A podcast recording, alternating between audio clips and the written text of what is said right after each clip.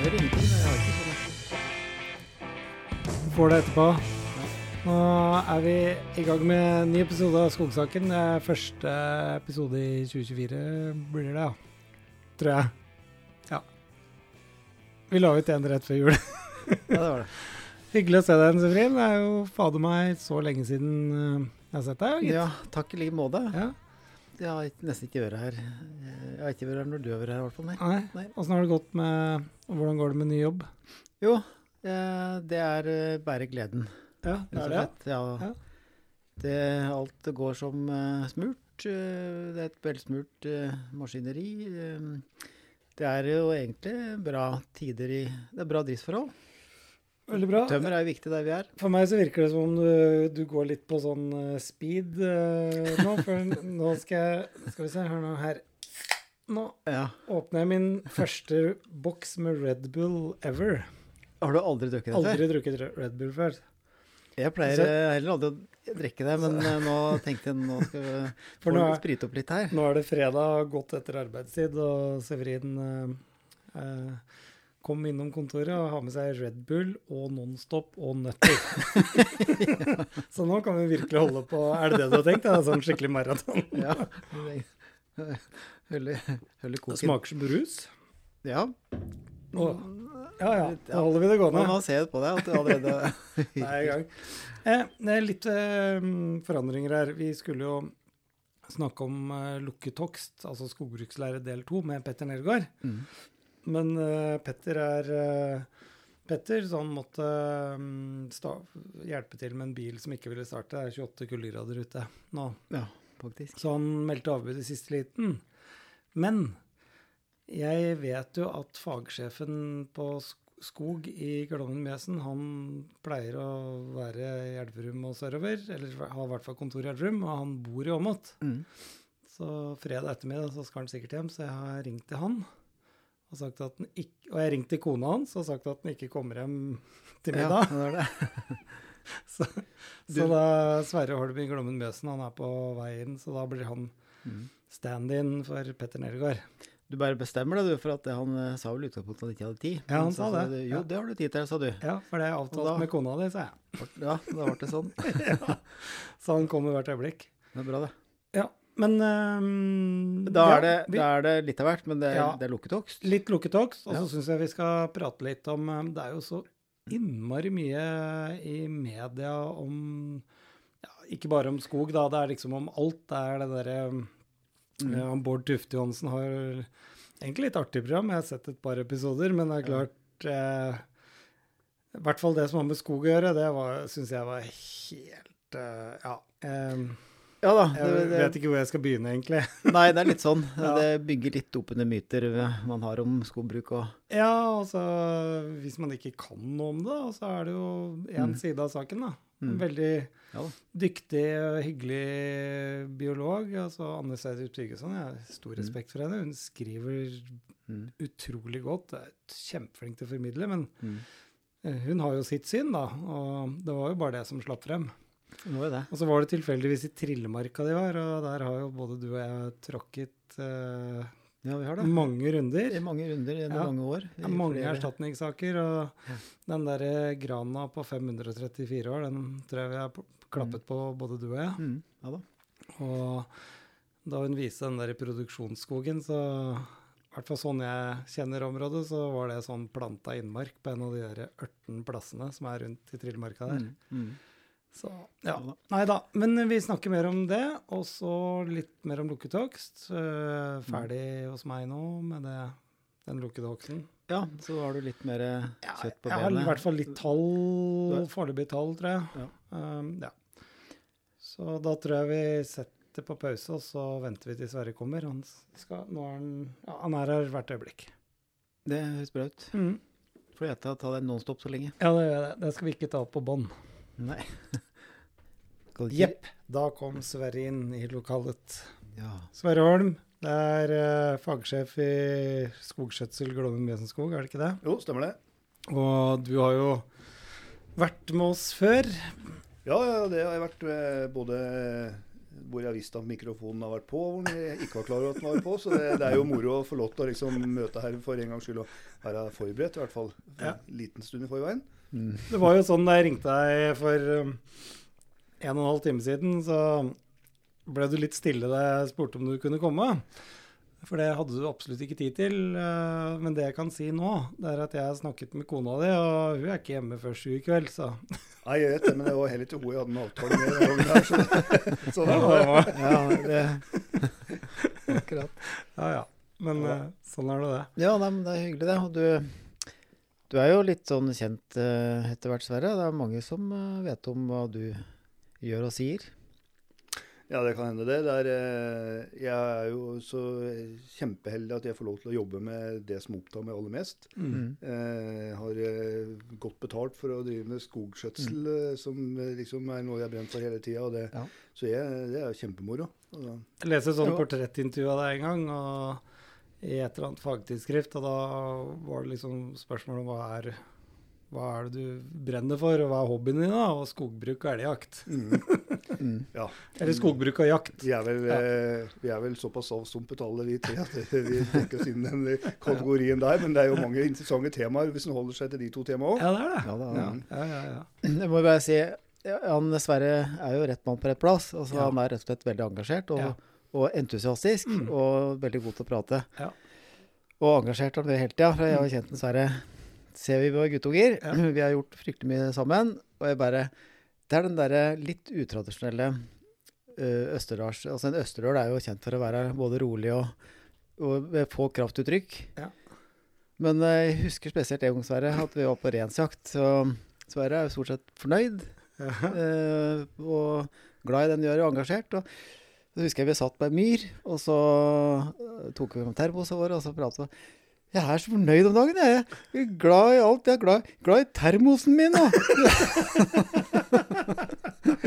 Ja, var, da var, den 20, var vi 20 år cirka da. Men eh, ja, det- han var sikkert forelsket. Ja, Det var helt sikkert. sikkert. Ja, det var han sikkert. Altså, men det å, det å være litt sånn fornøyd med det man gjør, og hva man driver med og alt der, det, det Ja, er jo det er- sunt. sunt Ja, det. det, er- det er kjempeviktig. Mm. Og det er derfor vi sitter her òg. Ja, ja, ikke sant. Vi, vi driver jo med det her som en hobby, og Ja. ja, syns det er gøy. Mm. Så sånn sett så er det jo all grunn til å jobbe med skogbruk, vil jeg si. Mm. Ja, og så er det Du, du ser jo hele tida eller på en måte resultatene, ikke bare den jobben du gjør, men dem som, som har vært før deg. Ja. Eh, og vi har jo Det ble jeg mer og mer interessert, egentlig. Nei, men vi har jo en sånn eh, du, eh, Det utgangspunktet du har når du driver skogbruk, er jo et utgangspunkt som er lagt av din eh, tidligere eier av eiendommen. Ofte Mm. en i slekta, ikke sant? Mm. Kanskje mor og far. Mm. Og du steller meg dette her så godt du kan. Og så jeg for min del da, står rett foran en eiendomsoverdragelse nå. Jeg Ja.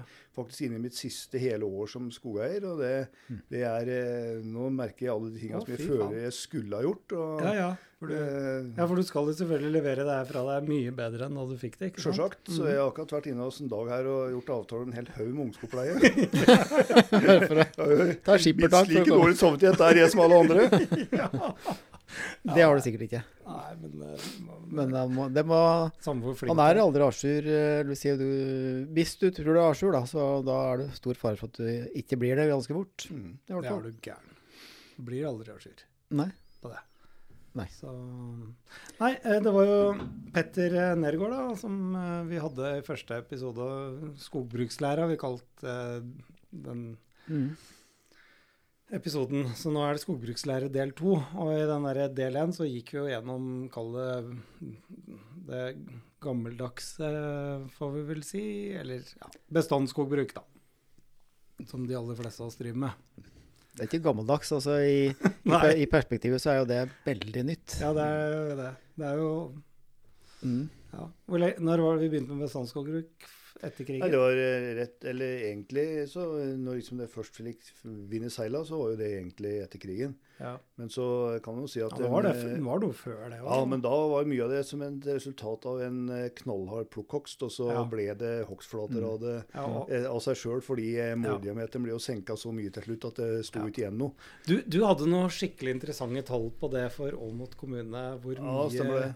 Husker du sånn noenlunde i huet? Ja, jeg husker at det var en skogbruksplan eller en takst som ble gjort av deler av Åmot kommune. Ikke hele kommunen, men en stor del av kommunen. Og, og mot 1934. kommune til info, da. Det er den kommunen vi er i nå. Det er Ja. en kommune i Østerdalen.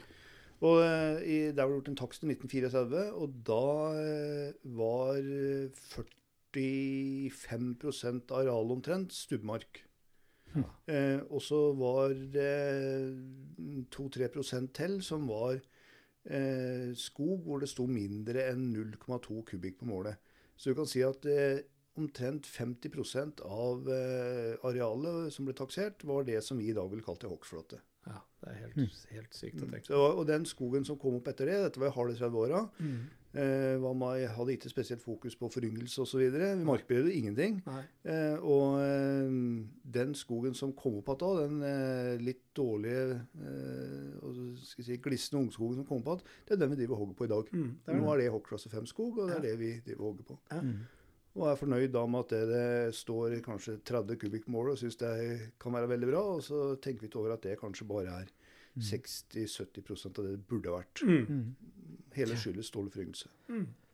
Ja, disse her stripehogstene i Åstadalen, dem er jo viden kjent. eh, Det, er jo, det blir jo sagt at det er to ting han ser fra månen, og det er den kinesiske mur og stripehogsten i Åstadalen. Mm. Men når var det de begynte med så stripehogsten, da? For det, det var jo en, en eller annen professor som lanserte eh, for å få mer varme Ja, mer omsetning i jordbunnen og så få høyere produksjon, da. Mm. Så ja, samme som Platox, for så vidt, men eh, det var jo De glemte det skog... Det uh, beltet opp mot fjellet. Altså du fikk den derre kaldlufta som Ja. sank nedover. Det ser en faktisk den dag i dag. Eh, en, litt artig at du nevner det, for det er ikke så lenge siden jeg var inne og kikket på de, eh, de stripene stripen på eh, eh, trehøydekarta som vi har i skogbruksplanen vår. Og mm. du ser at det eh, fortsatt så kan man eh, ikke akkurat beskrive det som vellykket. Og sier du det? Nei, ut fra det jeg så på de kartene. Ja. okay. Eh. Ja, jeg tenkte på at det var artig å se hvordan du så noen gradienter på det. Mm. At du så at du hadde eh, dårlig foryngelse nederst i lia, fordi det var jo kaldluftsig ned i lia. ikke sant? Og det, eh, men eh, jeg så egentlig ikke det, men jeg så ganske mye bakke mellom trærne, for å si det på den måten. Ja. Mm. Mm. Jeg har en bekymring, Tollef. Ja, kom igjen. Og det er at du eh, sitter litt for langt unna mikrofonen. Stort sett. Ja, Men jeg hører meg sjøl, og jeg er Ja, ja. sterk og klar. Ja da, nei, men det var sånn eh, for, Forrige gang så var det Ja. litt svakere på deg. Ja, ja, riktig. Men nå har jeg Så skrudd opp lyden på meg du sjøl. virrer så mye rundt. Ja, slutt å mase. Um, fortsett. Nei da. Eh, ja, Namdal, nå var det sånne stripehogster. Har du vært der òg, eller Sverre? Nei, det har det du ikke vært. Du Sverre, nei, du har jo hatt masse områder i Ja, Namdal. ja. ja. Jeg er sikkert vernet Ja, ennå. ja. Nei, jeg kan ikke huske dem spesielt, Nei, akkurat. egentlig. Nei, men uh, litt om uh, Jeg skal bare skru av den her, for han piper så jævlig. Shut down. Jeg Skrur av PC-en. Nå er arbeidsdagen slutt. Det er fredag kveld, og vi sitter med hver vår Red Bull. Det, det er Red Bull der, eh, Sverre. Takk for det. Det er sikkert, jeg, jeg drikker for første gang i mitt liv. Så jeg. Jeg har aldri smakt før. Du var ikke klar over at det ikke kan drikke det uten vodka? Nemlig. Jeg var ikke påvirket av reklamene, du, da. Nei, jeg lar meg ikke påvirke av det. Nei. Uh, ja. Nei. Lukket hogst. uh, det går ikke an å åpne et fagblad eller en hjemmeside til verken Glommen, Mjøsen eller Viken eller noe som helst uten at det Eller skru på TV-en. Eller skru på TV-en, for den saks skyld. Mm. Eller aviser. Ja. Sverre, er det noe du har funnet på der, eller åssen er det der? Nei, det er ikke noe jeg har funnet på. Jeg er uh, absolutt ikke, men eh, det fikk jo liksom eh, mm, skal vi si, en, en litt mer vind i seilet igjen nå etter eh, revisjonen av PFC skogstandard, Ja. hvor det, det er eh, satt mer trykk på akkurat den type hogstføring. Mm. Eh, det, er jo, eh, det er jo ikke noe nytt eh, lukka hogst. Altså, Severin, du har jo vært med i eh, Kontus-prosjektet som eh, skjedde tidlig på 2000-tallet. Og, Mm. og vi hogger både skjermstillingshogster og en, en eller annen form for bledningshogst før det òg, som Mm. eh, en annen type bledningshogst enn det som man drev på da vi, vi 30-tallet, som vi snakka om i stad. ja. Mm.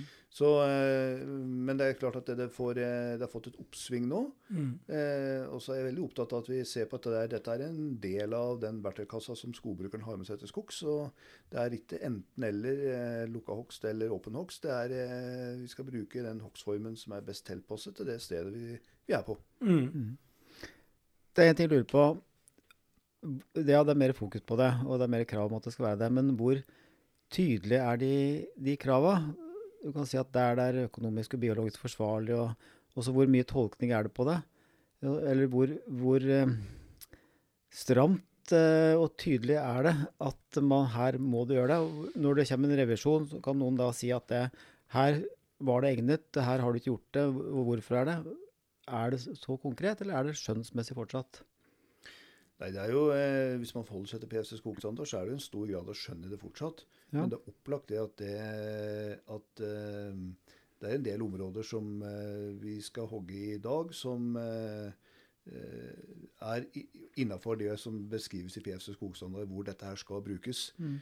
Kanskje særlig i områder som er eh, friluftsområder og, og Ja. områder med spesielle, hvor det skal tas spesielle hens, miljøhensyn, Mm. så, så er det lukka hogst som gjelder. Mm. Eh, For intensjonen i PFC-en er jo at arealet med lukket hogst skal øke. helt klart. Mm. Og vi har jo budsjettert med en viss andel lukka hogst eh, for eh, første gang i Glommen Mjøsen i 2023. Mm. Så satte vi oss et mål på det, og vi skulle eh, gjennomføre omtrent eh, 3000 mål med, eh, med lukka hogst i løpet av eh, 2023. Mm. Det har vi passert med godt monn. Mm. Mm. Jeg føler det at det, det- at det, det, det står ikke på viljen, eh, egentlig. Og det har jo vært mangelfullt. eh, eh, Det, er alt, det, det krever litt mer kunnskap, da. Og jeg vet at noen skogeiere har, har savnet at uh, skogbruksledere ikke har anbefalt det, eller kan du si fått gode nok råd da, på det alternativet før. Men eh, jeg, det virker jo virkelig som om det skogeierandelslaget og rådgivere har tatt det på alvor. For det er jo full trykk på skolering og oppdatering og alt mulig. Ja, vi har kjørt eh, to kurs sammen med NMBU. Eh, og med han Andreas Brunner som eh, kursansvarlig for våre skoleledere. Så eh, de aller fleste av dem har nå kurs i, i det her. Så, eh, og så er det det er et tema så veldig vanskelig å avgrense i detalj. og Derfor så må du eh, ha utvist en stor grad av skjønn. Og skjønn det får du med erfaring. Og det er det vi er i ferd med å bygge nå. Eh, slik at jeg er veldig opptatt av at alle skogbruksledere i Glommer Mjøsen skal eh, gjennomføre noen drifter med lukka hogst, slik at de må skape seg erfaring med det. Og at vi òg klarer å utvikle maskinførere som eh, er gode på det her. For det er klart at alle maskinførere skal ikke drive med lukka hogst. Til det så er omfanget av det fortsatt for lite. Så om å gjøre å ut dem som har riktige maskiner og, og, eh, og eh, god kompetanse på det, og så får vi framelske dem til å bli enda bedre. Men det er klart, sånn som PFC-standarden, den er jo på en måte dynamisk, kan du si. Eller den er låst en periode. Nå er det et avtaledokument, og så skal den revideres. Eh, har dere, mm, Kommer dere til å følge opp noen av de der lukkede hogstbestandene? Som, Ja. som det er Ja, Absolutt. Så dere har en plan på det? For å Ja. liksom At vi har noe å vise til. Eh, hva funker, og hva funker ikke. Mm. Sånne ting. Ja, og det, det er jo i praksis veldig lite beskrevet eh, lukka hogst på den måten vi driver lukka hogst i dag i Norge, eller i Skandinavia for øvrig. Mm. Og du ser den her, eh, Det kom jo et eh, kunnskapssammendrag nå like før jul her, som ble presentert av, eh, av NIBIO og Ja, og det, ja. Det, er, eh, det henvendes jo veldig mye til eh, svensk forskning, og det er kanskje en par-tre karer i Sverige som har eh, drevet noe særlig med det. Mm. Eh, og på norsk side så er det, er det jo veldig mangelfull kompetanse på, på lukka hogst, egentlig, føler jeg, i forhold til det vi vet om bestandsskogbruk i dag. Da. Ja, for det har, jo, har vi jo ganske mye data på etter hvert. Feilen som blir gjort, er at man sier at ja, men det her har vi prøvd før. Mm. Eh, men det, da har, mener jeg at da har vi misforstått litt. For det er eh, i det å drive lukke hogst i dag, så ligger eh, det en erkjennelse at det skal være, ha en produksjon og en økonomisk avkastning som forsvarer seg opp mot eh, Mm. åpen hogst. Mm. Det er ikke den der skamhugginga eh, som vi ned til en kubikkmasse som ikke, hvor ikke det varer en kubikk i hele tatt. Vi vet jo at det, høy grunnflatesum etter inngrep er en av nøkkelverdiene for at du skal ha produksjon i en skog hvor det drives lukka hogst. Mm. Og det er jo absolutt ikke nytt, for at i alle lærebøker, og ja, for når vi gikk og før det, så er det står det liste opp eh, hogstformer, Mm. så er det flatehogst, det er eh, bledingshogst, skjermstillingshogst, fjellskoghogst. Og også metodene er jo omtalt og kjent. Det, det, er, det er ikke noe nytt. Og så mm, har det vist seg at det flatehogst er det mest effektive. Mm. Og selvfølgelig også det mest eh, rasjonelle å drifte. Men vi, vi kan jo mye om det, vi vet mye om det.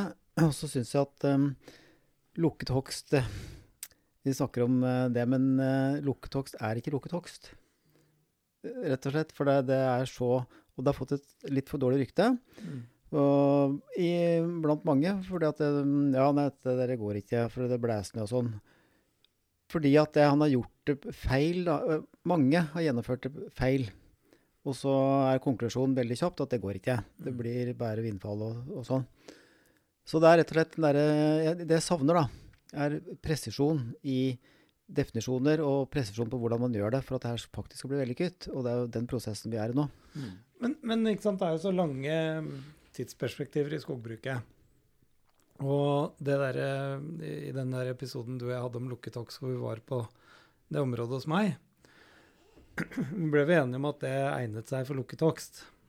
Og det området var 160 mål eller noe sånt nå. Oppunder et par hundre mål. Og det, det er jo sånn typisk område som antageligvis aldri har vært snauhogd. Altså, men tilbake til den derre takseringa fra 30-tallet, så var det helt sikkert jævlig glissent der òg.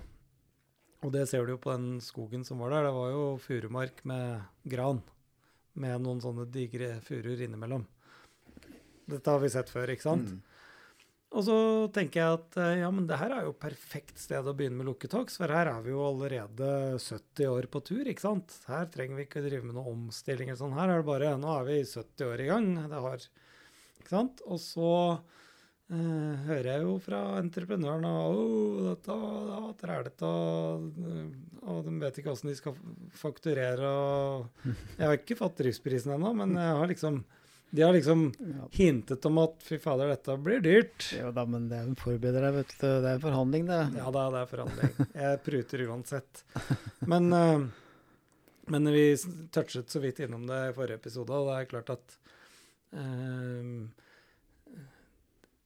en vanlig snauhogst er jo er jo mer rasjonelt der og da, i hvert fall. Og oversiktlig på hva det blir. Da. Altså hva, og så- hva Og er liksom motpunktet at jo da, men det kan være mye mindre stammer, eh, stammevolum, og at det blir mange trær på kubikken og sånn og Mm. sånn, hvis det ikke har vært ja. Så nei, så jeg er litt spent. Jeg har ikke alle tallene klare på den lukkede oksen ennå. Men du, når du, du sier eh, Ja, vi var enige om at ja, her egner det seg for lukket hogst. Mm. Ja, hvorfor det? For Barblanding og litt sjiktet og sånn. Mm. Men er det ikke noe sånn um, sjekkliste på hva slags faktorer som må være til stede for at det skal være egnet for lukket hogst som man kan styre etter? Og definere hva slags arealer. Og alle har jo en oppfatning om det.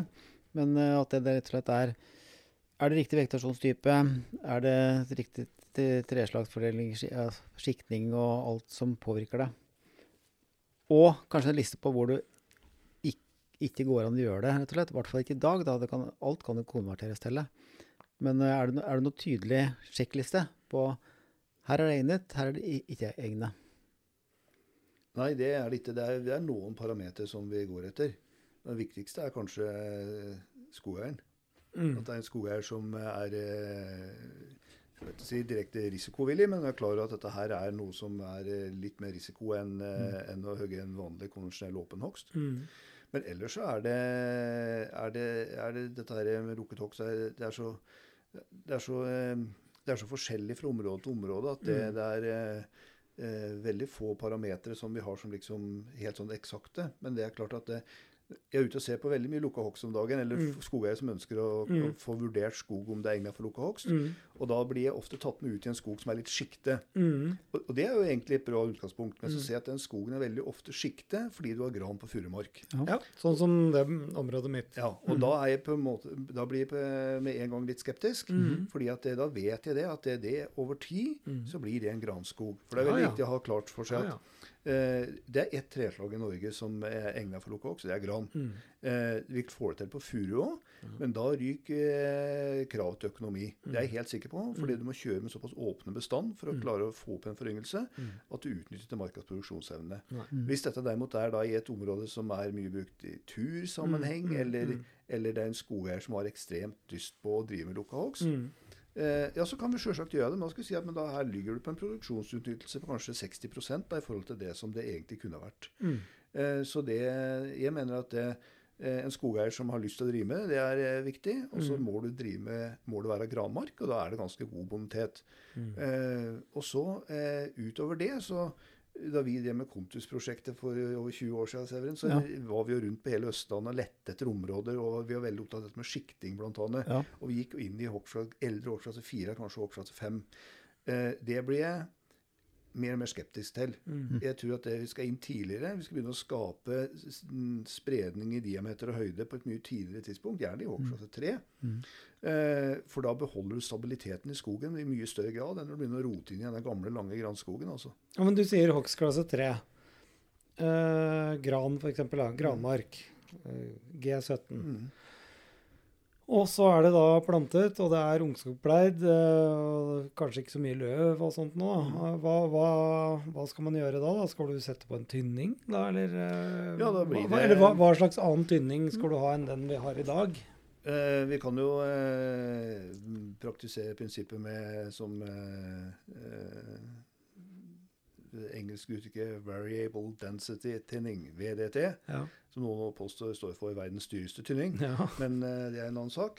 Uh, det er én metode. ja. Uh, men det er klart at det å gå inn i en sånn G17-bestand, som er en eldre treer, som er ungskogpleie to ganger Mm. og lite løv osv., det Det ikke. er kanskje ikke der du skal Nei. gjøre det. Og rett og slett for at der har du òg et produksjonsgrunnlag for å produs som er så bra Mm. at det, det Jeg tror at de, akkurat det, det bestandet vil ikke eh, lukka hogst henge med på eh, rent økonomisk sett. Nei, nei, nei. Fordi du har mulighet til å produsere et så voldsomt volum på kort tid med vanlig bestandsskog. Men hvis du begynner i hogstklasse 2, da, på en sånn, eh, sånn Ja. mark Det kan du godt gjøre. Det har vi ikke mye erfaring med, men jeg ser helt klart jo- for meg at det Det kan måte. Det tar litt tid før du får fasiten, da. Ja, det gjør det absolutt.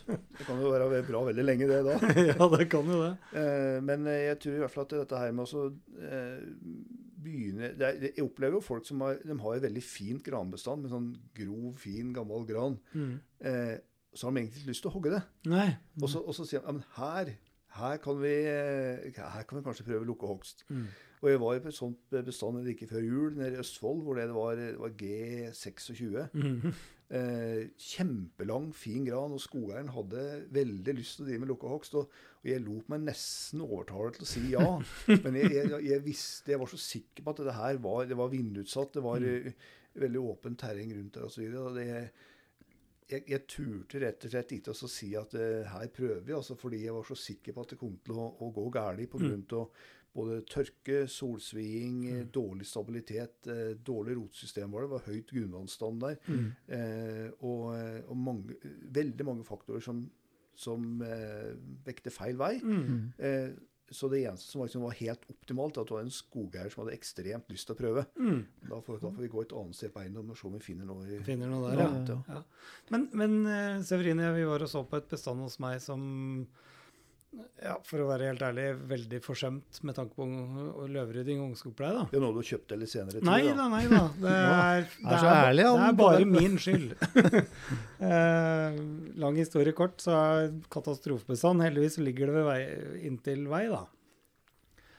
Og så sa jeg til Arild Skoglund at uh, du får uh, prøve, og Severine og jeg var og så på det. og vi ble... Det er maskinføreren, ikke sant? ja, det er maskinføreren Arild Skoglund. Og så ble Severine og jeg var og så på og så ble vi vel enige om at ja, ja, nei, faen heller, du, får bare prøve. Og går det ikke, så får du bare avbryte.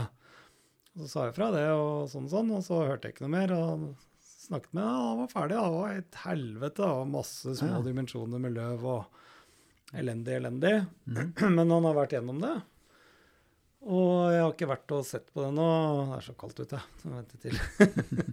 Eh, Men uansett, det vi snakket om der, Severin, det var jo Der må det da være muligheter for å Starte. starte. Ja. Det var jo en, en treer med mye løv og roser med Ja, vel variert, ja. Ja, og så er det, til tross Selv om det er er i Osen, holdt jeg på å si, eh, så er det noen lommer der òg hvor det er eh, Mm. gode boniteter. Og der er det sånn G14, G17, hele det bestandet.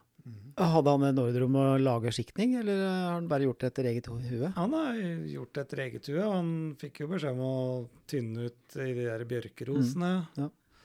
Eh, og tynne, ja, så Ja, det blir spennende, da. Å Spent se åssen det ser ut. se åssen det blir. Men det er jo han som har hogd for andre gang i det kontusfeltet på Rød, som vi hogg for to år siden. Å ja. Og det ble veldig bra. Ja. Eh, der hogg vi jo en ren måldiameterhogst. Ja. Eh, og eh, det, det ble veldig bra. Altså, der har Nibio ei forsøksrute, så vi har veldig gode tall på hva som har tatt ut og hva som står igjen, så vi kan måle veldig nøyaktig. ja. Og det er eh, første gang år 2000 eller noe sånt? Eh, Det var tog første gangen i vinteren 2002-2003. Ja. Og så var vi inne der at nå da høsten 2022. Og der er sånn G20, Ja.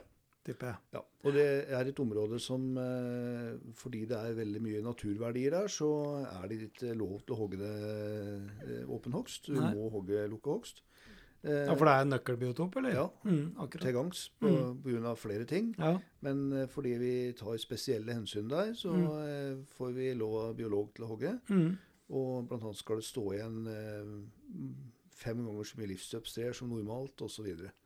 Så sånn sett så er det jo ikke så er det jo, kan man jo ikke da nødvendigvis bruke det som en fasit, da. Eh, Delvis fordi at det bl.a. forsøksruta til eh, Nibio ligger utafor nøkkelbiotopen. Ok, så det er, ok. det er både en del av feltet er, Ja. er nøkkelbiotop, og en del er ikke det. OK, skjønner. Så, eh, så det, og, og det som jeg var spent på der, det er hvor, hvor lett er det å, å eh, ta en måldiameter. Altså Måldiameter det er jo diameteren på de granneste trærne vi skal hogge. sant? Setter vi en måldiameter på, på 35 cm, så skal du ikke hogge trær som er mindre enn 35 cm i, i brysthøyde. Eh, og det, det er jo veldig lett, å, fordi vi eh, ser jo toppmålet på eller hvor grov stokka er nå ut fra produksjonsfila i maskina. ikke sant? Mm, mm. Og det tok en veldig lett. Ja. Det er ikke mange trær han har bomma på der. Nei, Altså. Så nei. det, det, å, eh, jeg, det er mange som sier at du skal bruke så veldig mye tid på opplæring av maskinfører, og det skal vi gjøre. Mm. Men uh, disse her gode tynningsmaskin- eller tynningssjåførene våre, sånn som Mm. Arild er, Ja, ja. eh, de tar det her ganske fort. altså Mm. De må bare omstille seg litt i huet på at det, nå skal de ikke drive med lavtynning lenger, men Nei. de skal eh, hogge, plukke litt andre trær. ja, ja. Men når de har gjort det, så går det her veldig greit. Men betyr det at det når det er eh, jeg kan si klynger, da, hvor det står for tett, men, og det er under 35 cm, så, så skal de ikke gjøre noe med det? Mm. Så det skal bare stå? Så, så det, det er ingen skogskjøtselelement i det? da, Det er en ren dimensjonshogst? Ja, så, Ja, Det er det. Og så kan du si at du kan alltids løsne opp i noe der du ser at det er viktig at det, de trærne som vi skal hogge neste gang, blir gitt rom, slik at det ja, ja. eh, Man må jo klø i fingra hvis den seg. Mm. Men vi driver ikke og tynner i sånn småskog og slik ellers. Husk på at det, Nei. innen den småskogen som står under her, som kanskje er 3-4-5 meter høy, da, Mm. innen den blir hogstmoden, så har du vært inne og hogd i det bestandet her tre ganger til, og da har du felt ned mange av de trærne. Men 35 cm er ganske grovt. Så hvis det, det står tre trær på 20 cm brysthøyde veldig tett, så vil du jo tro at maskinføreren klør i fingeren etter å ta ut to av dem. Ja, hvis, det er, hvis det er tre trær som står i ei klynge, alle over måldiameter, så kan du ta alle tre. Da blir det et høl, og det at det blir høl Ja. i skogen er egentlig helt greit i Ja, lokal i den sammenheng. Mm. Ja, ja. Eh, du må jo ha noen høl skal du få opp igjen noe ny skog. ja, men det ble det jo i det der bestandet mitt. Og der ble det jo kanskje noen sånne små flater på 300 kvadratmeter eller noe sånt. nå. Kanskje, kanskje et mål òg. Å, fy fader. Ja, ja. Diger flate på et mål inni lukketoksen. Men eh, det som er interessant med Lokoks, det er liksom, øh, øh, å til dette eh, den plassen har fått i Norsk PS skogstand, det er jo sånn Hvorfor skal en drive med det i det hele tatt? Mm. Hvorfor, hva er utgangspunktet for at man ønsker mer lukka hogst? Mm. Eh, og, og der er det eh, veldig mange svar og, eh, på det, og en del av dem er jeg litt usikker på om, om stemmer veldig bra. Altså. Mm. Eh, at det, det blir f.eks. en mer klimarobust skog, eller at du får større biologisk mangfold osv. Så, Mm. så ser jeg at det, når man, f.eks. i forhold til biologisk mangfold, da, så, Si at veldig mye av de, eh, den dokumentasjonen som brukes i den sammenheng, kommer jo fra naturskog. Mm. Og, og det er ikke det samme som en skog som er drevet etter lukkehogstprinsipp over tid. For lukkehogst er en ganske intensiv skjøtselmetode. Du er Ja. inne hvert 20. år Ja. og tar ut eh, en femtedel av kubikkmassa, kanskje. Ja, ja. Så du er jo eh, Det å tro at, det en, at lukkehogst er close to nature og alt mulig sånt, Ja. det, da blir man skuffet, tror jeg, på over tid. Jeg er ganske sikker på at det visuelle styrer oss veldig mye. Uh, Vi er generelt altfor my mye til stede her og nå, tenker litt for litt på historikken, og så er det hva vi ser Mm. uh, som uh, gjelder, og at det, det uh, vekter mye mer da, enn kan du si, faglige realiteter. Mm. Det er jeg ganske sikker på.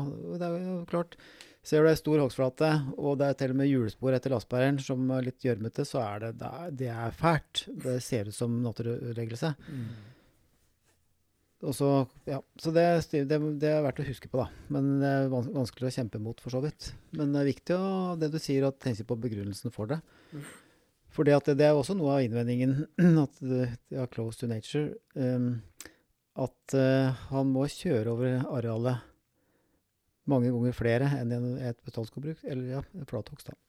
Det er det, det er det jeg liker ved bestandsskogbruket. ikke sant? Når du har eh, Og det er ikke sikkert du skal tynne engang, hvis det er gran. Altså når du Mm. har parkert ryddesaga for siste gang, så er det 70 år til neste gang det Ja, skjer noe der. Innen Det, hvert 70. år, ja. ja, det syns Mm. jeg er ganske fint, jeg. Mm. Og den dagen du hogger, så har du alt bare all kvisten som er på trærne tilgjengelig for å armere veien du skal kjøre Ja. på. Mm. Ja. Eh, mens i en lukka hogst så har du da bare en bitte liten del av barmassa tilgjengelig. Mm. Eh, og du, eh, fordi at det du, de Mm. tre som står igjen, styrer så mye Mm. måten entreprenøren kan opparbeide tre på, Mm. så er det ikke alltid han, da må i så fall, eh, det er ikke alltid han får kvisten inn i veien i hele tatt. Nei. Eh, man må jo bruke de samme stikkveiene, det er jo en forutsetning. ja, det er opplagt eh, helt- helt klart. Ja. Så rett og slett eh, for markas, markskader sin del, så er det så er flathogst helt klart mest skånsomme, da. Ja, i hvert fall i det feltet du hogger. For Ja. du, du kan Ja. bruke alt, alt som er av hogstavfall til Jo, jo. armering. Du er, du er inne bare hvert 70. år, Mm. og i tillegg så kjører du mye mer på en matte. sånn at det, Mm. For overflata så kan vi her og nå Mm. konkludere med at uh, flathogst uh, gir mindre markskader. Og Det er derfor det er så viktig å planlegge veier i, eh, når du driver med lukkehogst. Fordi Mm. veier skal du jo bruke hver gang du skal inn igjen. Mm. Eh, og eh, det ser jeg fra Kontus-prosjektet som vi var på Saurin, at det, det, der har man gjort for dårlig jobb på det. Det Mm. ble overlatt Ja, for du skal liksom finne igjen, finne igjen veien etter Ja. 20 år, selv det var Ja. litt vanskelig. Ja, nei, det, det går ganske greit. Mm. Men, men veien ble veldig sånn tilmømt som han gikk, for å si det på den Ja, måten direkte. Ja, det kan være. Ja. Eh, at man var for dårlig til å hensynta eh, fuktdrag og solområder du ikke skal dra deg borti osv. Og så Mm. ble det De hadde ikke sånne Fuktighetskart, ja. fuktighetskart for 20 år siden. nei. helt riktig. Nei. Og, den, og jeg ser jo på eh, et annet sånn felt som vi kjenner godt til, som ligger ikke så langt unna der du bor, Severin. Mm. Eh, som vi hogg sist vinter. Mm. Eh, så gikk jo merke opp at alle veier som var, lå inne på digital kart før hogst. Mm. Eh, og når du ser det vei, stikkveimønsteret, eller det veimønsteret i dag, så ser du at det, det, det er slett ikke optimalt. Nei. Eh, men vi valgte å bruke på at de veiene Ja, ja. likevel, for det var brukt der, kjørt Mm. der. Mm. Mm. mm. Og så må man lage de veiene brede nok Mm. eh, og eh, rette nok eh, første gangen. Mm. Og så er det noen som tror at eh, i lukka hogg skal du dra inn noen sånne der småmaskiner. Mm. Og ikke engang der er de egna også. Du, eh, skal du ha eh, eh, drive med lukka så er det det største og tyngste utstyret. I hvert fall når du er inne og skal hogge en måldiameterhogg, så har du med, med en omstillingshogst i Mm. klasse 3. Kan du alltid bruke ei Ja, tynningsmaskin. ja. Mm. Men på den siste drifta vi hadde, som det går ett og et halvt tre på kubikken Klart Ja. Du skal jobbe med trær som i Ja, ja. gjennomsnitt eh, er på eh, 700 liter. da. Ja. Så, så Ja, nytter det ikke å komme draende på en liten tynningsmaskin. Nei. Nei, det gjør det, gjør det ikke. Nei, det er alltid artig å snakke med deg, Sverre, om sånne ting. Mm. Fordi du, du er liksom med skoa på, du ser så mye sånn mange drifter, og du er liksom virkelig Mm. i fatet. Det er- tenker, ja. Det er to ting jeg har lyst til å svare på før vi går videre. Ja. I stad så holdt jeg på å sa 'stopp en hal'. ja. Du vet hvordan det staves? Men- skal du stave stopp en halv for meg? Ja, men- ja, men det er ikke halv med V, det er to Nemlig. L-er. Nei, én L. En L. Ja, for en halv er det Stopp en halv. Ja, Mm. og hva er en halv? Nei, det er ikke Nei, nei sett meg greit. Nei, men jeg vet at det er noen greier der, men jeg har aldri googlet det. Jeg tror det er noe med å stoppe på hal og dra i tauet eller noe sånt. Ja. Det er der det Ja. Men jeg sier i hvert fall stopp, da. Greit. Men hold. Ja. Ja. Jo, det var to ting. Det mm, ene er eh, Jeg har tenkt, og det sa vi sist òg, at det der det er mest egnet eh, for lukket hogst, det er på furumark med, med blanding. Og jeg har også tenkt at det høye bondetett av gran, der skal vi i hvert fall ikke drive med det. Mm. Av to grunner. Eh, Der er verdiene størst, og så potensialet for tømmerproduksjon er størst. Og, og gran er også sånn ustabilt, kanskje høy, høyt eh, grunnvannstand, som du sier, og, så det er større risiko. Mens eh, det, der det er mye gran på furumark, der er tapspotensialet mindre. For at det gran på furumark er utgangspunktet feil, og så kan man gå inn der for å begynne der, da. Ofte sikte og furu, men det er jo helt riktig. Furu vil jo bli overtatt av gran før eller senere, hvis du skal i all evighet ha en kontinuitetsbestand. Mm. Så da har jeg på en måte lært noe nytt. Eh, ikke sikkert jeg er helt enig, men det at den da skal begynne med det her på uh, høye bondetet av gran, er Ja, da må eh, Jobben må være grundig, i hvert fall, for å konsekvensen er større. Da, hvis man gjør det. Men, eh, ting jeg, jeg tror nok det, Søren, at på de virkelig gode bondetene på gran, Mm. eh, så eh, klarer du ikke å konkurrere økonomisk med vanlig bestandsskogbruk. For det er én ting vi ikke har pratet med ennå, det er at eh, når du driver med lukka hogst, så går du glipp av bruken av foredlet plantemateriale, og du Mm. går glipp av effekten med markberedning. Og vi vet at begge deler er med å løfte produksjonen med året bonitetsklasse, og det går du jo glipp av. Mm. Og så er det, Men du har en del granmark som er granmark som ikke er superbonitet. Mm. G14. Eh, Ja, 14 og 17. Mm, 14 og 17, ja. Ok. Mm. Det var det ene. Og det andre var Du sier å begynne å om, omstille eh, til sjiktehogst i hogstklasse 3 eller 2. Det må da være bli et tap av det? Ja. Også, hvor, helt hvorfor skal vi gjøre det? Jo, vi skal gjøre det for at det er et krav. Men hvis du i utgangspunktet har en uh, fin skog som du har uh, plante, og for at det her skal bli en produksjonsskog, og så skal vi begynne midt inni og så begynne å differensiere høyder og begynne å sikte det og stå i. Og så skal vi om 30 år hogge et mindre kvantum enn vi ville ha kunne hatt ved slutthogst. Så det må eh, åpenbart bli et tap. Og skal vi da anbefale Kan man da anbefale det? Selvfølgelig er det noen skogeiere som, som du sa, som bare vil ha det. Og, så det er jeg opptatt av, og det er greit, det. Men eh, vi må på en måte vite hva det koster. Mm. For det koster åpenbart noe. Jo, men det tror Altså, hvis du eh, går inn i en hoggklasse 3, og så hogger den litt i filler, da, så sier jeg på den måten, Mm. så er jo det produksjonstap, og det er produksjonstap over lang tid. Mm. Jeg tror aldri du klarer å, eh, å hente inn at det. Nei. Eh, men så tror jeg det er viktig at det der eh, Ofte så er det sånn at det er en medvirkende faktor til at du går inn i et sånt område og, eh, og etter, begynner å hogge eh, eller forberede til lukka hogst. Det er f.eks. at det er et eh, Sånn som der vi driver akkurat i øyeblikket, begynte i dag med ei, ei lukka hogstdrift mer eller mindre inne i Hamar by. ikke sant? Ja. Mm. Veldig mye brukt turområde. Mett av folk som går tur og Ja. går på ski og bruker det området. Det er en barnehage der Mm. rett ved siden av. Mm. Og det er en sånn område hvor eh, skogeieren er såpass eh, Han er faktisk veldig interessert i at folk skal bruke skogen. Ja. Og si at ja, men her, her er opplagt, her får jeg et eh, økonomisk tap på det, men vi hogger en lukka hogst fordi Mm. det er et eh, Vi vet at eh, Det visuelle flatehogst i sånne områder Mm. er kontroversielt. Ja og og det, er, det er jo triveligere å gå på tur i en skog Ja. hvor du har trær, Ja. enn å gå ut på ei hogstflate. Og kan du si at det er også et krav, da, at det, man skal ta hensyn til andre enn bare de som tjener på tømmer. Så der, i Hamar by, som er ganske mye folk, så er det, det er også riktig å gjøre det. Men da er det fordi at det er et krav, nærmest, og du kan bli tatt for et avvik hvis det du gir blanke i det. Ja, det Men, er jo- eh, men det er fortsatt et tap. Det er det, og det er, men i for, det, og det er jo klart definert i Norsk PFC skogstandard òg. Mm. Og så tenker jeg at det, i en del av de områdene vi er inne i i den drifta på Hamar, så er det eh, det er ikke skog som er ideell for lukka hogst. Nei. Eh, Det er veldig høy bonitet. Mm. Det er eh, eh, anlagt som skog. Altså det er bestandsskogbruk som har drevet der. Mm. Så vi, er, vi er, eh, hadde, den, eh, hadde den skogen ligget langt oppi lia oppe i Østerdalen, en så eh, hadde den absolutt eh, et område vi kanskje ikke hadde vurdert noe på. Mm. Fordi den ligger der den ligger, Mm. og det er, eh, Og det er eh, flott, intensjonen i PFC. Ja, det er- ja. Så, så sier jeg at ja, men her, her er vi faktisk pålagt å prøve det. Ja, ja. Og heldigvis så har vi kompetente folk både som skogbruksledere og maskinfører i området. Så Mm. det tror det blir veldig bra. ja, ja. Det er jo noe bra med å bo på DZ òg, da, Tollef. Så du slipper Ja. å drive med slikt. Ja, Men jeg driver jo med lukket takst selv om Ja. jeg bor på det sett.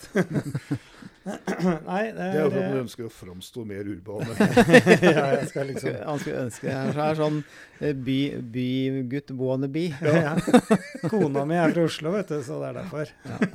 så Markaforskriften gjelder hos meg. Eh, veldig bra og veldig interessant. Eh, jeg vet ikke om jeg ble noe klokere, egentlig. ja Jo, jo, men eh, Nei, men han blir ikke utklok. Nei, utlært. Store kloke boken. Nei. Eh, Så det, det, går på, det går bare på Det er en utvikling. Men, jeg, men jeg, det jeg tenker, da, det er, det er eh, den eiendomsstrukturen vi har i Norge, det har vi snakket om mange ganger. Altså, det blir jo, vil jo bli variasjon. Mm. Eh, eh, tenkte vi kunne dra oss litt over på neste tema. Da, sånn sett en grei inngang. Da, fordi at mm Mhm. du sa det, Severin. Det er veldig mye som jeg føler styres av det visuelle, men som blir forkledd som eh, eh, Mulig det er kontroversielt det jeg sier, men det blir liksom framstilt som klimaforskning og naturkrise, holdt jeg på å si. Eh, har dere sett 'Oppsynsmannen', f.eks.? Mm. Ja, riktig. På NRK? Har du sett på det? Ja, jeg har fått med meg begge programma. Ja, ja, er jeg tror det er flere enn to programmer, men jeg, Men det har gått to så langt, har ikke det? ja, du vet at du kan se på meg. Nei, jeg, jeg, jeg har, jeg har så dårlig rom i hverdagen at jeg Du, kan bare du er sånn som må hjem det. til klokka sju for å rekke. Dagsrevyen, Ja, ikke ja, sant? Jeg tror vi må ta med en Red Bull før vi fortsetter på det. Ja da. Men uh, Severin, jeg touchet så vidt innom det i stad. Vi I hvert fall eh, eh, ja, Da var jo Bård Tufte Johansen på tur i, i Trillemarka sammen med professor på oss, Anne Sverdrup Tygesen.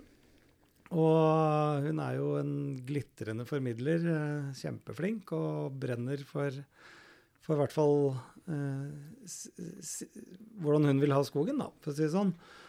Og mm, ja, det virket som hun hadde hytte der. Og tilfeldigvis da, så er Severine jeg, selv om vi er østerøler, så har vi liksom fartet Norge rundt uh, i sånne naturforretningssaker. Og Trillemarka er jo, var jo det ja, Det var vel det siste tvangsvernet, Severin?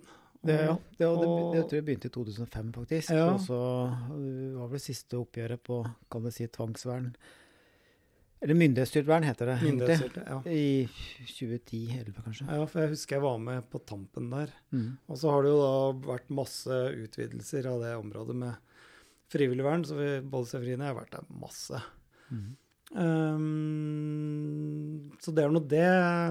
Det er jo et område som har vært drevet ganske aktivt skogbruk i flere, Ja, ja, er flere jo- hundre år, for å si det Det er jo slik. det. Det er jo, det er jo drevet, liksom. Ja, det er jo absolutt alt. Klasse både 1 og 2 og 3. Ja. Og der. Men um, det var i hvert fall uh, det jeg savnet, savner da, etter å ha sett den skogepisoden, både ved at vi kjenner området, og de viste jo annet en sånn det som ble fremstilt som typisk produksjonsskog. Da. Jeg så jo med en gang at det der var jo planta skog på innmark. Eh, og det ble liksom fremstilt som om all plantet skog blir eh, helt pottetett, og du ser ikke noe skogbunn. og Mm. Veldig sånn, eh, etter min mening, eh, bare én side. Og eh, jeg likte ikke det jeg så, for å si det sånn. I forhold til det, da, så- det, det er jo den derre Hvis du kun tenker skogproduksjon, så er jo det, det eh, den våte drøm for en eh, skogprodusent, eh, tømmerprodusent, og akkurat det derre Det som vi ser for oss med en sånn monokultur og nesten ikke noe liv i båten og sånn. Men nettopp den der eiendomsstrukturen i Norge, veldig variert, og Fylkesmannens og skogavdeling der har jo hele tida kan du si mm, gjort oppmerksom på at det, eh, det, mang, det er mangelfull ungskogpleie, mangelfull skogkultur. Det er liksom 35-40% av arealene er ikke godt nok eh, skjøtte. da, Og da er det skjøtte i forhold til skogproduksjon og tømmerproduksjon. Hvilket betyr at det, det er ikke Det er ganske mange områder som ikke har den karakteren som nettopp det du viste på TV-en, da. Med broende barnåler i bunnen og, og såkalt monokultur. Jo, men Vi har det òg, men det er, det er fryktelig variert, da. Men, Ja. Altså, men I det store men- så er det variert. Jo, men selv et plantefelt da, som er hvor du har gjort alt riktig, så blir det jo ikke nødvendigvis bare sånn. Det, det er jo en fase hvor det, hvor det kan bli det, men selv den vil jo løsne seg opp etter hvert òg, da. Ja da. Mm. Ja. Men Men det, det- det som er sånn- problemet der, er at det, det framstilles sånn eh, Ja, men sjølsagt, eh, den her eh, vi skal, Skogen skal eh, tjene mange hensikter. Mm. Vi skal ivareta eh, biologisk mangfold. Mm. Eh, vi tar vare på 60% av rødlistearter i Norge i dag. Eh, og det er spørsmål hvor ellers skulle vi vært. Ja. Eh, ikke sant? Ja. Eh, Det jeg, jeg er ikke overrasket over at 60 av meg er i skogen. Jeg, for, Nei, det er ikke veldig rart, Det er jo gitt, faktisk helt eh, naturlig. ja. Eh, men, men den der skogen som ble vist der, da, med Bård Tufte Johansen, er det Ja, det er klart det er en produksjonsskog. Og vi skal ha en del sånn produksjonsskog som er en trefabrikk, hvor du produserer trevirke. Ja, Eh, men, vi, men, vi må ha det, skal vi skaffe nok eh, Men samtidig så skal vi kunne ta vare på biologisk mangfold osv., som du har i deler av Telemarka. ja, men da, kunne, da, da kunne du jo vist en vanlig produksjonsskog. Det Det her var, det her var gjenplanta innmark. Jeg så det ja. med en gang. Mm. Eh, Det har du helt rett i. Man velger vel Med det man masse ønsker å underbygge, budskap man ønsker ønsker å underbygge, tenker jeg. Det Ja. helt klart. Men, Ja. men det som jeg er litt motstander av, som jeg syns er litt, eh, kanskje litt feil, er at vi mange ganger drar fram at vi i Norge har så veldig broket eh, eiendomsstruktur. Mm. At det i seg sjøl er en garanti for at vi vil ha litt av hvert. Mm. Det burde jo vært skogskjøtselen vår og måten Ja. vi driver skoger Ja. på, som er det. Ja da, at alle er bevisst. Ja, at, mm. at eh, Mm. alle er bevisst på måten de skal behandle dette på. Mm. Og, og, eh, og alle, eller vi tre, har jo skog hvor vi har som er satt av til eh, for å ivareta biologisk mangfold, som er nøkkelbiotoper, eller kanskje litt mer enn bare det. Og vi har noen Mm. skog som vi har, ikke er i fordi vi syns den er spesielt fin, eller har spesielle Ja, ja. naturverdier. Ja, ja. I tillegg til at det er f.eks. eh, for eksempel. Mm. Mm. Eh, og, og det er helt greit, og den, den Mm. skal vi la stå. Og så, og, men så har vi da områder som vi, der vi virkelig sier at det her er fabrikken min. Mm. Mm. Her produserer jeg så mye volum som vi bare klarer å få Mm. til. Mm. Mm. Og begge deler skal, skal det være en aksept for. Mm. Ja da. Men eh, sånn jeg tolker Eller eh, når du liksom ser eh, nyheter og sånn, altså eh, Det er jo skikk... Jeg syns det er veldig voldsomt mot norsk skogbruk nå. Jeg, jeg kjenner meg virkelig ikke igjen i det der som NRK driver med nå. Jeg syns det er skikkelig Men du, det her skal jo skogsglede, Ja, ja jeg Og så begynner du, nå begynner du å surve. Men det vi, det vi skal være glad for, Mm. det er at skogbruk er på alles i anførsel lepper. Mm. Og det er ikke vi bortskjemt med. Nei, det er sant. I de siste 30 åra så har det liksom ikke det vært så veldig Nei. tema. Det har vært i hvert fall bare vært negativt. Og nå Ja. er det både mm, Ja. Nå er det enda mer negativt. Nei da. Nei, men, nå- men eh, ikke sant, media nå, det er, det er ofte på Dagsnytt 18 og på framme i, Det er ofte framme i media, og mange skal skrive bøker om skogbruk. Det, det renner Ja, jo men ikke på om skogbruk. De skriver vel mer om skogen. ja, ja, om sko- jo, jo. Men ja. ja, helheten, da. Så nå er det, Ja, men er det helheten? det er, Alle har sin agenda. Ja.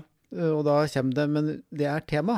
Og uh, nå mange ønsker å lage TV TV-programmer. Jeg vet bl.a. at noen som jeg kjenner veldig godt, Mm. prøver å få til et eller annet uh, om skogbruk som en slags uh, Ikke motsvar til uh, Oppsynsmannen, men som en supplement, da. Mm. Som skal dreie seg om kun skog. Mm. Det, og kanskje blir det. Det er en tøff bransje det der òg. Mm. Men um, vi skal være glad for at det folk er opptatt av skogen. Mm. Og så kan du si at det kan være også plagsomt, men det utfordres. Og vi, Mm. ja, ja. kon konkurranse, vi alle mener at konkurranse er bra. Der blir det en slags konkurranse. Mm. Konkurranse om sannheten. Konkurranse om å få drive eh, den, en næring. Mm. Og vi blir alle skjerpet av det her. Og, og vi får antallet et bedre resultat. Mm. Hør på den tordentalen, da. Ja, men det, det er jo Vi, vi, kan, vi er jo enige. Ja, det er, vi er jo det. Ja. Og, og, og jeg føler at det står ikke på viljen blant skogeiere heller. Eh, så ja, som sa, skogeiere etterlyser litt mer variert rådgivning, f.eks., og Mm. mange er veldig opptatt av det. Mm. Og de fleste lever ikke av skogen, eh, så det er kanskje lett også, da. Men det, det er mye opplyste folk eh, som har andre verdier enn bare penger. For at det, det er sånn polarisering. Du tenker skogeieren er den liksom kun opptatt av penger, en råtass, ødelegger naturen. Det er eh, hogstmaskiner og penger og penger. Det er ikke sånn. Nei, det er rett og slett, vi er Alle er glad i naturen, og vi trenger kunnskap. Og vi vil jo ikke med viten og vilje ødelegge for framtida. Vi vil ha et bærekraftig skogbruk. Og da Nå er det et videre begrep enn bare balansekvantum, mm. rett og slett. Og så må vi forholde oss til det. Og det gjør vi. Det hele apparatet rigger seg jo, samler kunnskap, prøver å bli provosert innimellom. Eh, fordi at det, det blir sånn urimelige framstillinger Mm. som, ja, som du vet ikke stemmer. Og Oppsynsmannen er et eksempel på det, Mm. hvor det bygger opp under Det er litt dumt, da. At det bygger opp under en myte. Og det er på en måte redskapet for å, å kunne kritisere, er liksom å først stadfeste at sånn er skogeieren. Mm. Og så, da er det blitt en sannhet, og så skal du angripe. Det er jo et sånn um, spill, og alle har sin agenda.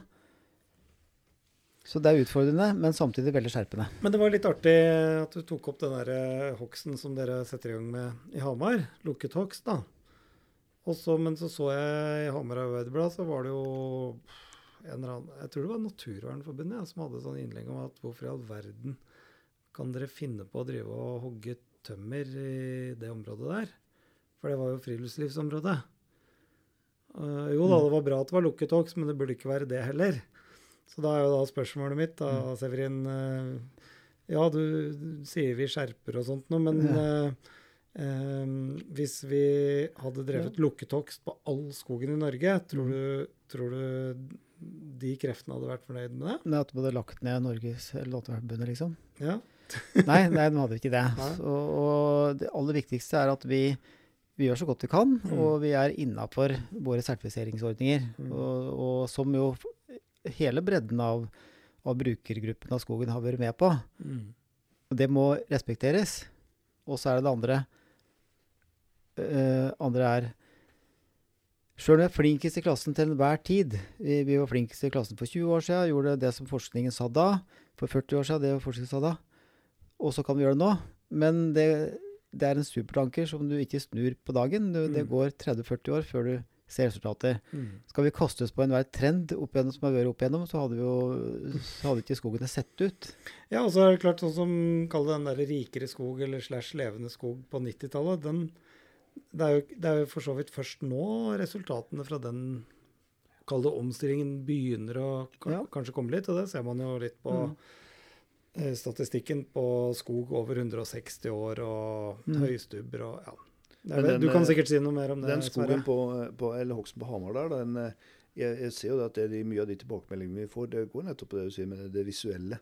Mm. Ja. Det er det til slutt som betyr noe. og det, Jeg syns det er litt trist, fordi at det eh, mens man eh, Mange av dem som har synspunkter på hvordan vi skal drive skogbruk, vurderer dette her veldig ut fra eh, følelser og hva man syns ser fint ut. Mm. Eh, og så tar man litt inn over seg det at eh, skogbruket er, og verden for øvrig er for full fart inn i ei klimakrise Mm. eh, som eh, går fortere enn det vi har trodd. Mm. Og den går så fort at skogen eh, henger ikke med.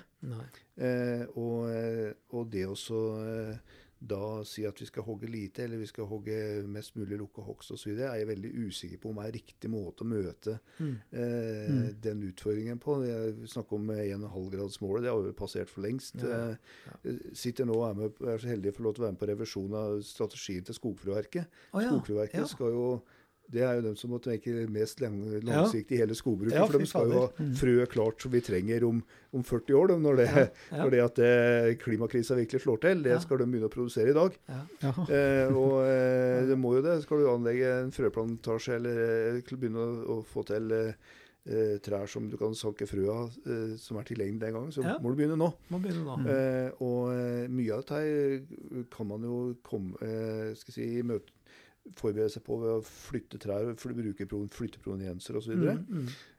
men det er opplagt det at i Norge så må vi ta en diskusjon om andre treslag. Mm. Eh, og, eh, og, eh, så kan, Det er ikke bare det å si at vi skal ta det skogbildet vi har f.eks. i Nord-Tyskland i dag, at det blir aktuelt her om, om 50 Nei. år. Men, men det, er, vi det, er, det er en diskusjon som man på en måte eh, viker litt unna. Og han er Ja, ja. ekstremt viktig. Ja, også Det er litt pussig du sier det, for det, nå kommer jo den nye bærekraftsforskriften fra Landbruksdepartementet. Jeg tror den kom i dag. Ja. Og der eh, er det jo Det har det vel for så vidt alltid vært, men om det er skjerpet inn søknadsplikt på utenlandske treslag. Og det er klart, hvis du sender inn en søknad på plante contorta eller noe sånt, så er det jo ville protester fra lokale Naturvernforbundet tvert, ikke sant? Um, men jeg er enig med deg. altså Hvis vi skal tenke langsiktig på klimaendringer som, som er her, så må man jo Og vi, vi har jo i Ja. dag, vi vet jo at i Innlandet så har vi eh, områder med flott skog av både contorta, eh, fjellelgran Vi har en god del treslag som eh, Noen er, ser jo helt forferdelige ut. Ja. Men vi har også noen som er Og det er fordi vi, det, en gang så var det én pro igjen, så den het contorta. ja. ikke sant? Eh, Men vi har, vi, har, vi har en god del skog av Eller eh, mange, mange trær av andre treslag som vi mener er veldig viktig å ta vare på. Mm. Eh, og eh, slik at Skogfrøverket har eh, formidler og har mulighet til også eh, samle det her i, i arkivene sine og, og, og kanskje drive litt eh, forskning på det. Ikke for at vi skal begynne å bruke det i morgen, men for at vi skal vite at vi har det, og vi vet at den dagen vi trenger f.eks. Eh, Douglas, da, som Ja. kan vokse på Deset, så, Ja. så er det faktisk en mulighet til å få til det. Og inntil det, og før det her skjer, så er det jo alle de norske treslagene som er litt uvanlige hos oss, som vi må begynne å ta inn over oss Ja.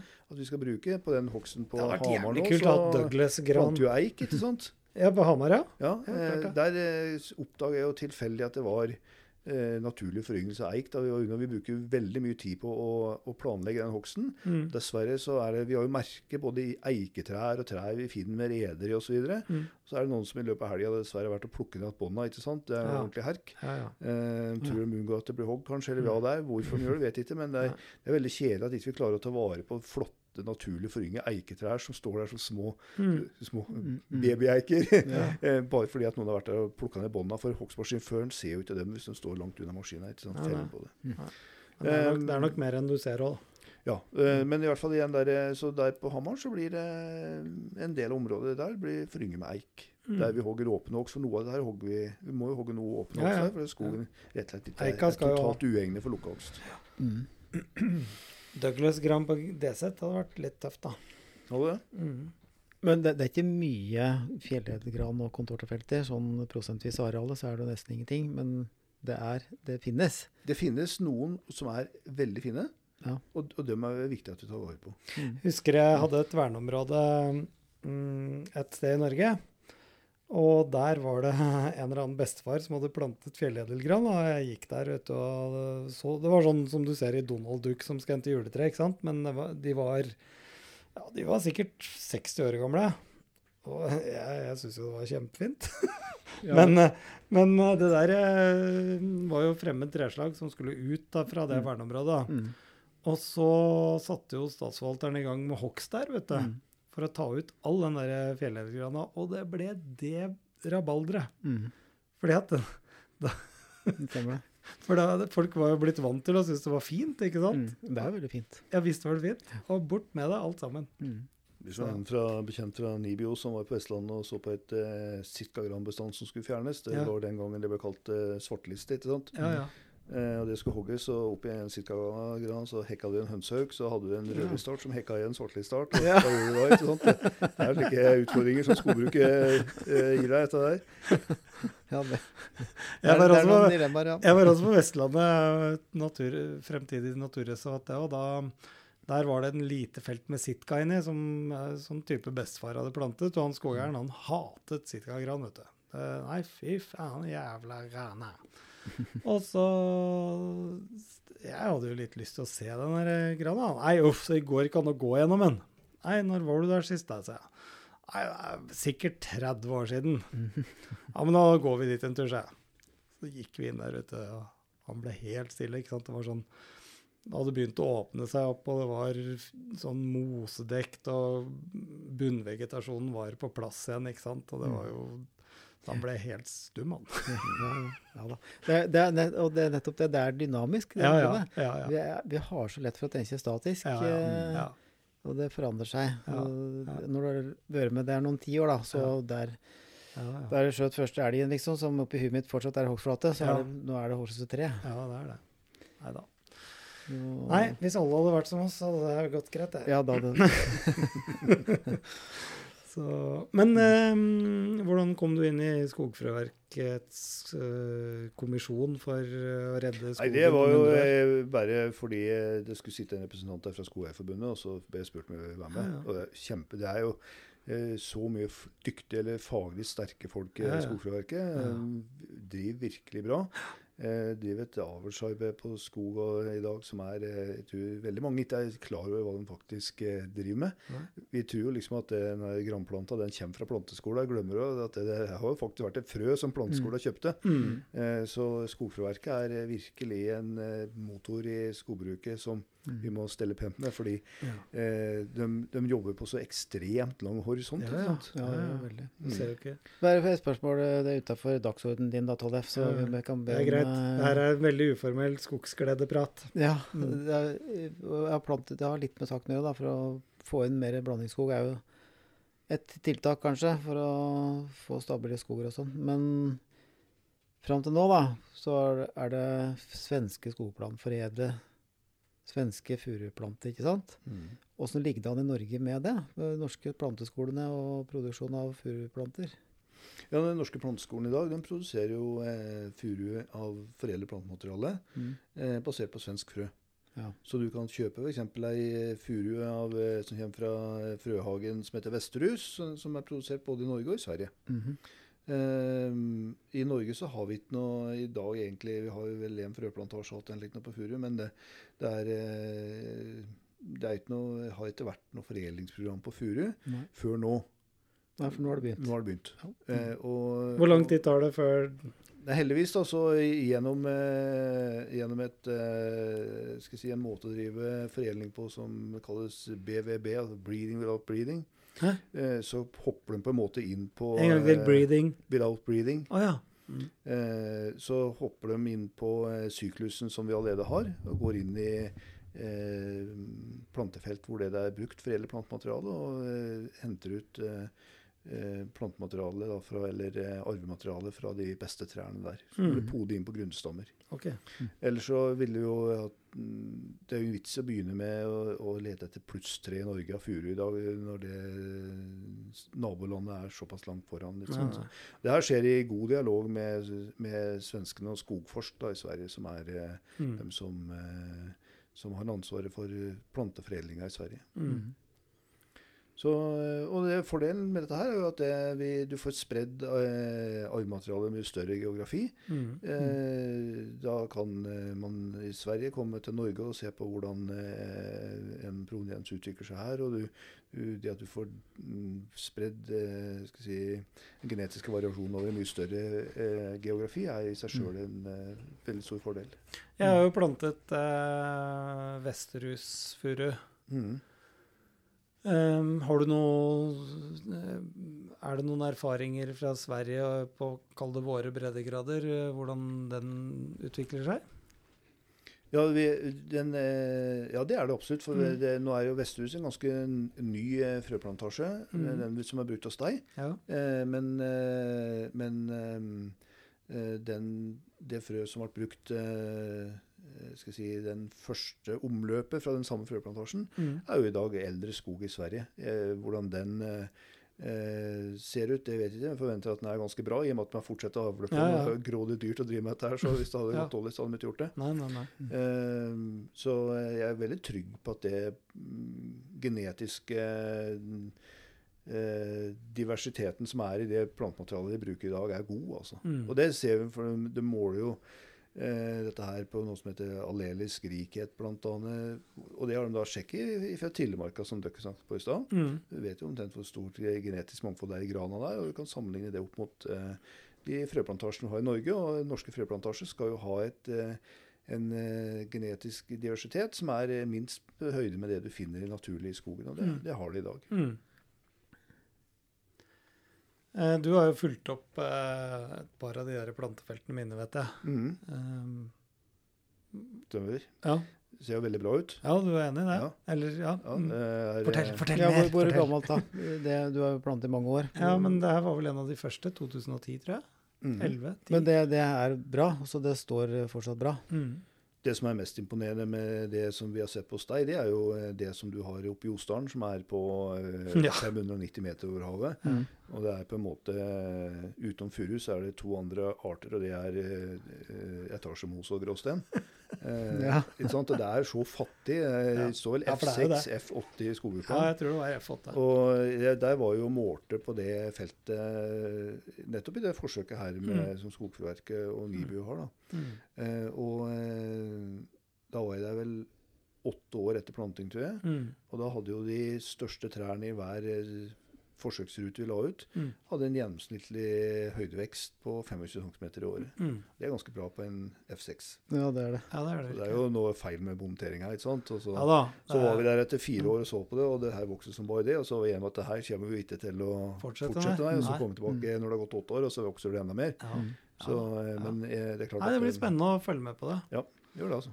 Eh, Ja, for da er det, det er et vellykket felt, rett og slett. Uh, uansett uh, produserer mye mer enn hvis den hadde bare satt av frøtrær og markbrett. jeg tror det står mer i volum der nå enn uh, da jeg, Ja, det, Ja. da jeg hogg E det. etter uh, tolv år. Ja. År. Ja, det Ja. ja. Nei, for at det, det ja, ja, å plante noen hundre mål med furu, og følge med det veldig tett, egentlig. Jager elg Og med det- skistaven Ja, gjør det blant annet. Det, for det er jo skrekken. Uh, og de fine plantene er jo kjempefine. Vokser jo ja, Etter tre-fire år så er det jo 25-30 cm toppskudd. Mm. Men så er det liksom sånn grovt sett, da. Halvparten av dem vokser ikke så bra. Altså det er buskete og litt sånn ser De er friske, men uh, vokser litt sånn rart, da. Og er ikke så høye. Så jeg lurer på hva det blir. Noe er litt elgbeite, antagelig. Mm. Men er det en sånn erfaring du ser? At det, det er ja, eh, litt for krøble, da, noen eh, av dem. Jo, men det, det er dessverre på noen felt så ser vi det. Ja. Og det er, eh, det er eh, ikke spesielt for vår geografi, det ser man nå i Sverige. Mm. Og de jobber mye med dette der for å finne ut av hva det egentlig er. De er jo ikke helt sikre på det enda. Nei. Du har jo hatt det på noe felt hos deg, du og Tollef. Ja, men det eh, ser jo kjempebra ut nå. det, har, eh, det gikk om seg at ja, du fikk en eh, stagnasjon der i kanskje tre-fire år, Ja. tror jeg nok. Men nå ser det jo helt superbra ut. Ja. Ja, for det- da er det ett toppskudd som tar ledelsen, og så drar det i Mm. riktig retning. Ja. Og da får du en sånn, en sånn buskvekst eh, i rota av treet, Ja. men som egentlig ikke betyr noen ting eh, for kvaliteten. Nei, nei, nei, for det er jo på liksom stubbe, du, du, mister, du mister jo de, eh, Ja. du mister de åra der. mm. Og så er det og Den skal faktisk ikke kimse av det. altså at det eh, De har en såpass god startvekst at de bruker så kort tid på å komme over beitehøyde av elgen. Ja. Eh, Det har jeg sett også, ja, det- så, det- og særlig nå som vi har et vindu som på dette her med foryngelse av furu som kanskje dessverre er på tur til å lukke seg litt igjen. eh, Og da Begynner å bli litt mye elg Ja, nå. grunn elg, ja. Ja. Hmm. Mm. Telte tolv elger på vei til Rena i dag. Oi. Mm. Bare på en liten strekke. Skal vi begynne på elgforvaltning, da? For da kan vi drive på i tre timer til. Eller vi blir ikke ferdig da heller. Nei, vi blir ikke det. Da kan du jo eh, si at Jeg har gjort mitt allerede, for jeg har jo kjørt her en elg i kanten av et ungskogfelt i- nå etter jul. Så det- Nei, har du det? Ja, ja, Uff med tjenestebilen til Glommen Mjøsen. Å ja. så det Ja, det er det de, eh, de, eh, driver aktiv forvaltning. eh, Brutal, men aktiv. Nei, det er mye. Altså, jeg så det var Siste tre døgn var det 100 elger i Innlandet som ble eh, påkjørt. Ja. Det er jo helt rått. Ja. Eller ikke rått, da. Det er jo trist. Ja, trist. Ja. Ja. Det er i hvert fall en dårlig bruk av Dårlig eh, endelikt på ressursen. Mm, Ja, det er det virkelig. absolutt. Men eh, ja, nei, det, plutselig så har det blitt skikkelig mye elg. Men eh, vinteren Mm. kom tidlig, og mye snø. Bla, bla, bla, så Ja. vi får se når jakta kommer. Da sprer den seg. Da Mm. tar vi den da. Eh, ja, Mm. jeg uh... Nei, men det var, det var litt uh, Det var lukket hogst, ja. Uh, ja, litt oppsummert på det, da, så syns jeg det mangler litt presisjon eller, ja, på hva, hva lukket hogst. Og det blir jo mer sånn internt faglig da, på åssen man skal drive. Mm. Eh, det, og så var det mot eh, hva, hva man blir utsatt for andre brukergrupper. Man, alle har meninger om skog, og at vi i utgangspunktet skal være glad for det. Mm. Ja, men uh, jeg tror vi, tror, vi, tror vi må som fagpersoner uh, stå opp for det vi mener òg, da. Mm. Så, Absolutt. Og, det er, eh, det er, eh, og så er det en ting til dette med, med lukkehogst. Det, er opplagt at lukkehogst eh, krever mer av deg som skogbruker. mm, Eh, Du må Det det. grave litt mer i kunnskapen din og, Ja. og hensynta eh, mye av det du har lært eh, Ja. på, på skolen ellers. Mm. Så det er, jo, det er jo mer spennende. Det er jo mer, det er mye artigere å lykkes Mm. med noe som er vanskelig, enn å lykkes med noe som er veldig Mm. enkelt. Og, Ja. og det å, eh, å hogge gran og markbed og plante gran på nytt er jo faktisk ganske plankekjøring. Nå, nå, nå er vi egentlig ferdig med episoden, for nå har vi kjørt avslutningsjinglen vår. Ja, Mm. riktig. Men det kan hende vi må ta den en gang til, altså. Å ja, du eh, har begynt å avslutte, du. Ja, så det, akkurat. Ja. Jeg vet ikke. Du får, til, du får til noe, du. Mm. Ja, det var egentlig veldig, veldig Vi kunne jo snakket i timevis. Men Mm. det er jo fredag ettermiddag, og vi skal jo hjem igjen. Mm. Så Nei, men uh, alltid artig å ha deg her, Sverre. Takk for det. Så da ble avslutningen eh, Det ble ingen- det det ble, ble ingen avslutning annet enn oss sjøl. Men det var, det var ingen røverhistorie heller denne gangen Frans Nei, nei vi, Nei, han skal få slippe det i dag. Det. Ja. Nei, men greit, det. Da ses vi en annen dag. ha det. Ha det bra.